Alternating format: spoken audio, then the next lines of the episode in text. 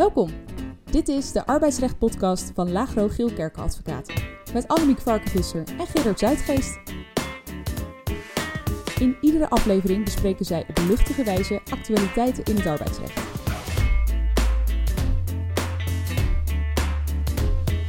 Annemiek, waar gaan we het deze keer over hebben? Nou, we hadden aangekondigd om het deze keer over de nieuwe pensioenwet te hebben. Ja. Maar Teleurstelling. doen we toch niet.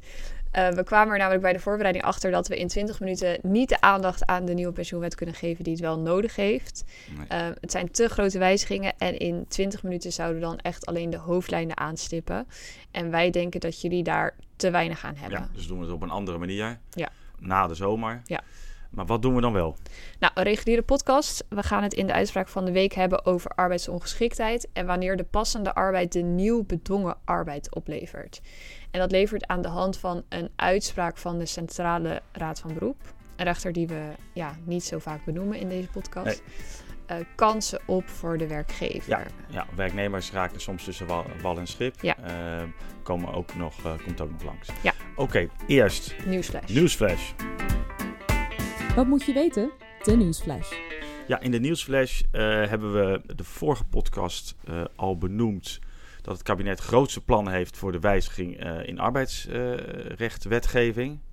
Geplande invoering daarvan overigens niet voor de zomer van 24. Dus we hebben de tijd om als de wetteksten uiteindelijk beschikbaar komen, jullie dit nog Ja. in detail of meer in detail te vertellen. meer dan dat we de vorige keer deden. We stippen nu een ander onderdeel aan van die plannen. Dat gaat over het concurrentiebeding. Het kabinet wil daar ook ja, majeure wijzigingen in aanbrengen. Het kabinet wil immers de mogelijkheden om met werknemers concurrentiebedingen te gaan afspreken fors beperken. Mm. En voor arbeidsovereenkomsten voor bepaalde tijd een vergelijkbaar systeem gaan hanteren als nu al geldt voor arbeidsovereenkomsten voor bepaalde tijd. Dus motivering voor het concurrentiebeding in de arbeidsovereenkomst op straffen van de nietigheid van dat beding. En alleen geldigheid van een concurrentiebeding indien er zwaar wegende bedrijfsbelangen aan de orde zijn. Daarnaast gaat in de plannen van het kabinet gaat men nog verder, want men wil in, in de wet vastgelegde maximum geldingsduur van uh, het concurrentiebeding uh, vastleggen. Gedacht wordt aan één jaar.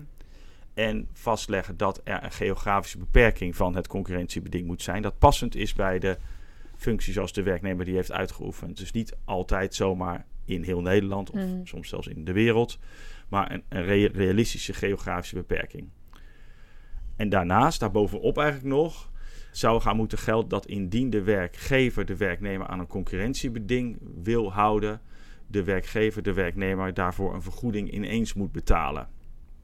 En onduidelijk is overigens nog wat de hoogte van die vergoeding zal worden. Maar eh, helder is natuurlijk wel, als dit systeem wordt ingevoerd, dat het een forse impact zal hebben op uh, arbeidsverhoudingen in Nederland en, Ja. en op de concurrentiebedingen. Onduidelijk is nog uh, of de bestaande bedingen zullen worden gerespecteerd, of dat de wet directe werking gaat hebben. Maar ook hier geldt uh, invoering niet voor de zomer van 24. En we komen hier zeker op terug, gelet op het belang daarvan. Ja, zeker. Dus zeker iets om in de gaten te houden. Yep.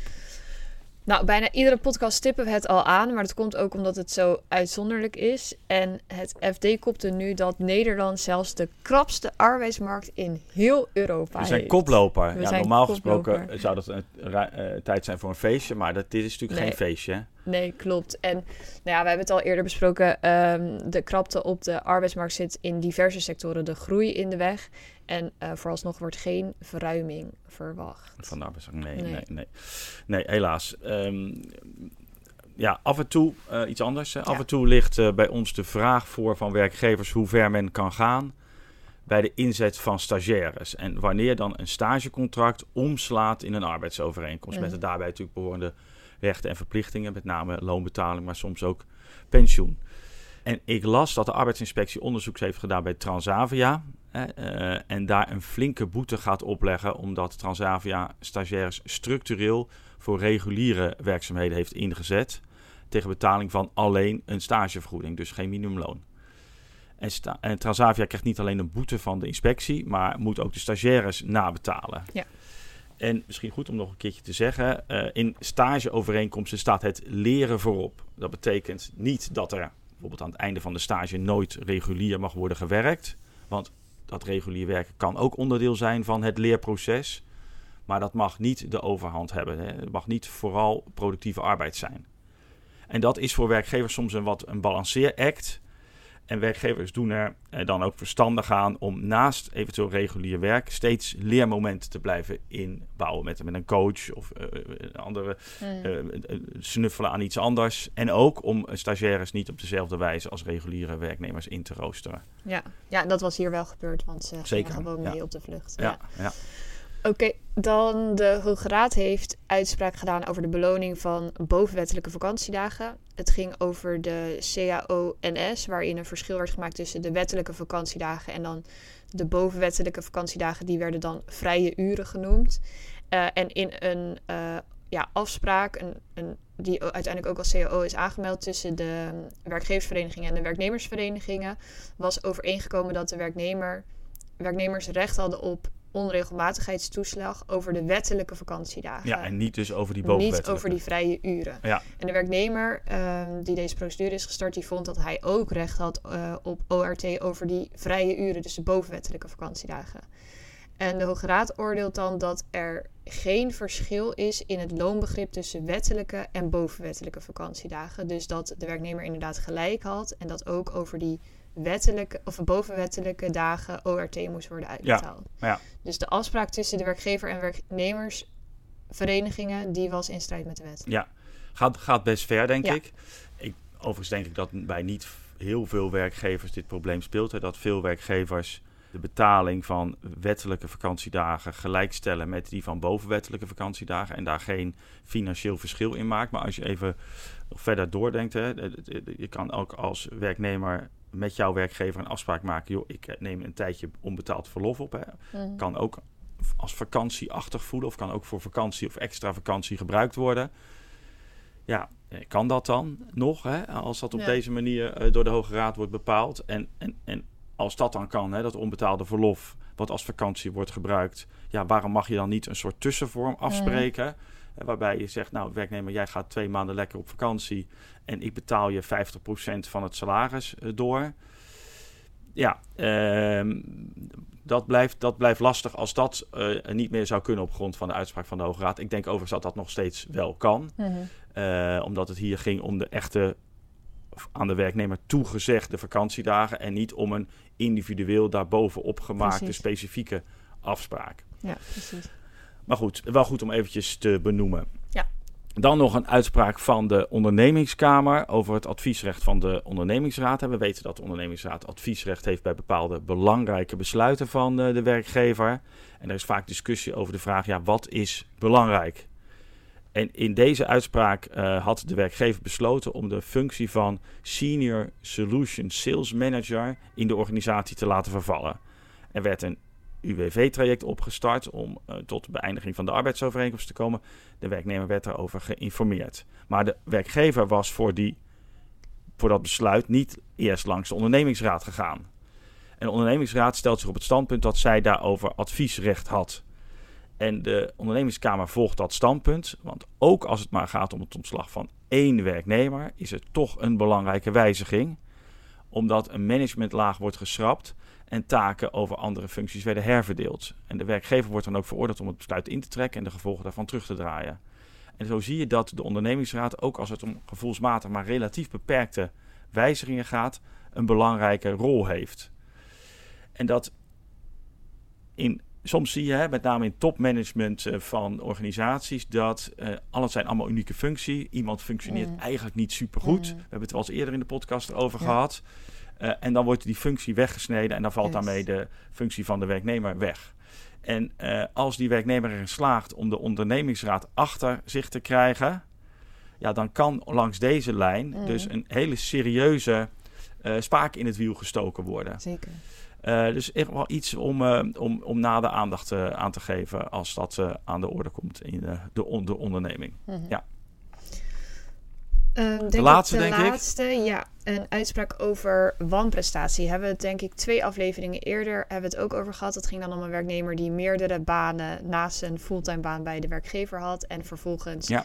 uh, zich ziek meldde en uiteindelijk schadevergoeding moest betalen aan de werkgever. En dat was dan het betaalde loon van 44.000 euro. Ja, over de periode dat hij ziek was bij de een maar doorwerkte werkte bij, de ander. Ja. Precies. Nou, toen eh, benoemden we al dat wanprestatie en dus die schadevergoeding nou mogelijk een, een kans zou kunnen bieden voor werkgevers. En in een recente uitspraak van opnieuw de re- rechtbank Rotterdam zien we, Lekker eh, bezig. zien, we dat, eh, zien we dat weer. Want daar ging het om twee werknemers die werden veroordeeld eh, tot betaling van schade als gevolg van een toerekenbare tekortkoming. En die tekortkoming bestond dan uit het feit dat zij tijdens de werktijd bij de werkgever bezig waren met het starten van hun eigen onderneming. En de kantonrechter die komt dan op basis van de stukken tot de conclusie dat zij ongeveer 5% van hun werktijd hebben besteed aan hun eigen onderneming. In Mhm. plaats van dat ze gewoon arbeid verrichten voor de werkgever. En in deze eh, uitspraak wordt nog niet de schade dan ook eh, direct bepaald. Want de, eh, ja, de zaak wordt doorverwezen naar de schade-staatprocedure, waar vervolgens dus de schade gaat worden Ja, bepaald. ja. Maar je ziet dus wel dat die 5%, nou, daar zal iets mee worden, eh, ge- eh, dat zal worden gebruikt om de schade te gaan. Ja, eh, ja, is een kanskaart voor werkgevers. Hè? Dus als je maar kunt aantonen, joh, mijn werknemer is wat anders aan het doen tijdens reguliere werktijd dan voor mij werken. mhm. Dat is als in dit geval de eigen onderneming, maar kan ook natuurlijk wat anders zijn. Hè? Ja. Dan, biedt, dan lijkt deze uitspraak weer een ingang te bieden om daar Ja. ook materieel iets mee te doen. Mhm. Alright, nou, eh, mooi. Ehm, genoeg? Ja. Dan naar de Uitspraak van de week. De uitspraak van de week.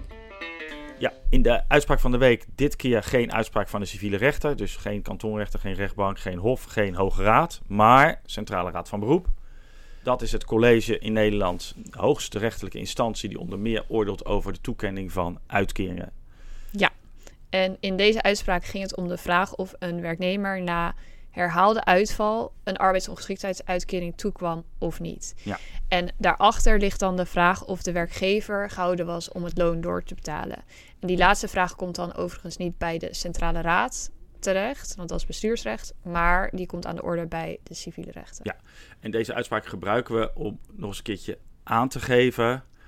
hoe eh, ingewikkeld het mijnenveld is na eh, twee jaar arbeidsongeschiktheid. Ja. Want de meeste werkgevers, lang niet alle, weten dat als de werknemer 104 weken arbeidsongeschikt is geweest en in passende arbeid doorwerkt, dat hij geen recht heeft op loondoorbetaling bij ziekte, maar alleen maar op re- recht heeft op het loon dat past bij de waarde van die passende arbeid. Ja. Tenzij de CO natuurlijk anders bepaalt.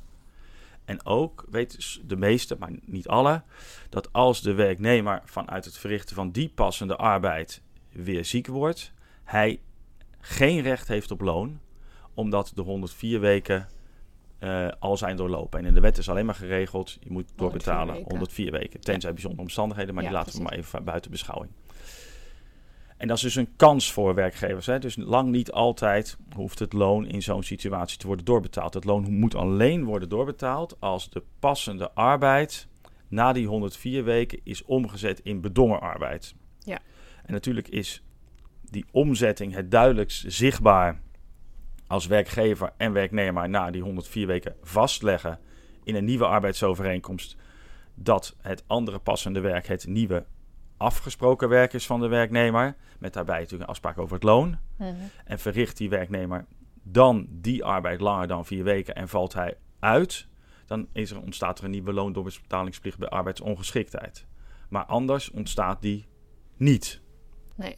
En dat levert hè, in zo'n in een situatie waarbij dus die omzetting niet heeft plaatsgevonden, een kan die werknemer echt tussen wal en schip vallen. Hè? Als die na het einde van de wachttijd minder dan 35% arbeidsongeschiktheid, dus geen WIA-uitkering krijgt, als hij dan passende arbeid verricht en opnieuw uitvalt wegens ziekte, heeft hij geen recht op WW, geen recht op ziek, ziek, ziektewet.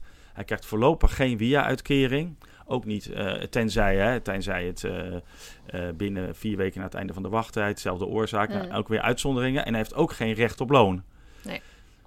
Tenzij dus de aangepaste arbeid als bedongen arbeid moet worden gezien. Ja, ja. En dan is natuurlijk de vraag, ja, wanneer wordt in de rechtspraak nou aangenomen dat er zo'n omzetting heeft plaatsgevonden?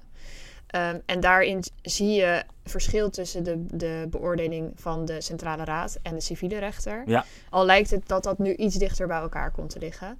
bij de civiele rechter zie je dat eh, eigenlijk het toetsings, de toetsingsmaatstaf is of de werknemer ehm, gedurende niet een te korte tijd die passende arbeid heeft verricht.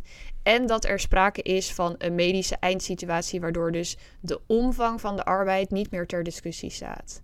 Ja, wat nu een niet te korte, of, eh, niet te korte tijd is, ja, dat is natuurlijk ja, helemaal afhankelijk van, eh, van de omstandigheden. Van omstandigheden. Daar is niet een, een vaste tijd Nee, voor, Het maar, is niet in de wet vastgelegde Nee, periode. precies. Ja.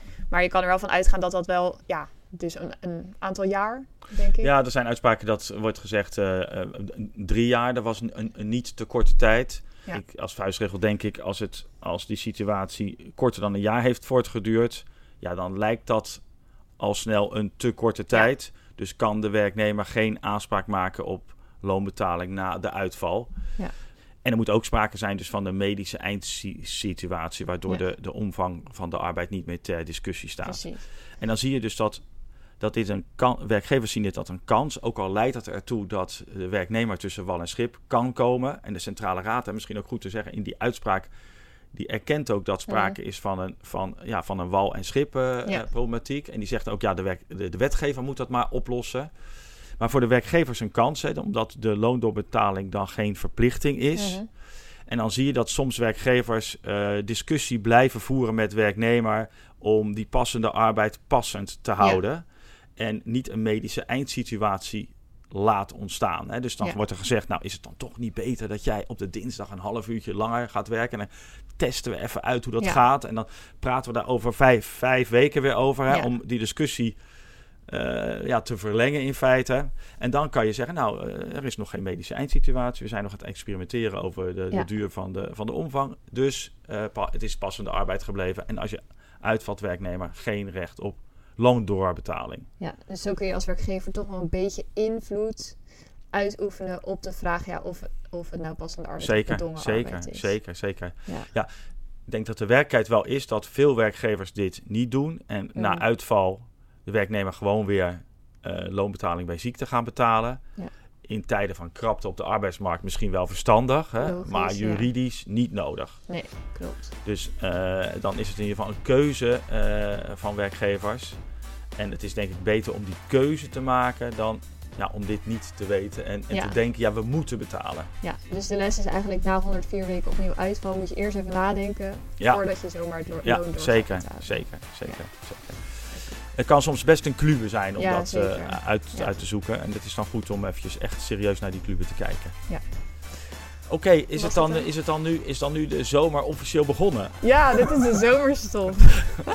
Lekker vroege zomer, maar Ja. wel, eh, Oké, ja, is wel zo. ja, nou dan zijn we denk ik eh, eind augustus of zo zijn we er weer. Ja. Eh, we wensen iedereen natuurlijk een hele goede zomer toe. Ja. Dank voor het luisteren en eh, Tot, Tot de eh, volgende keer. volgende keer.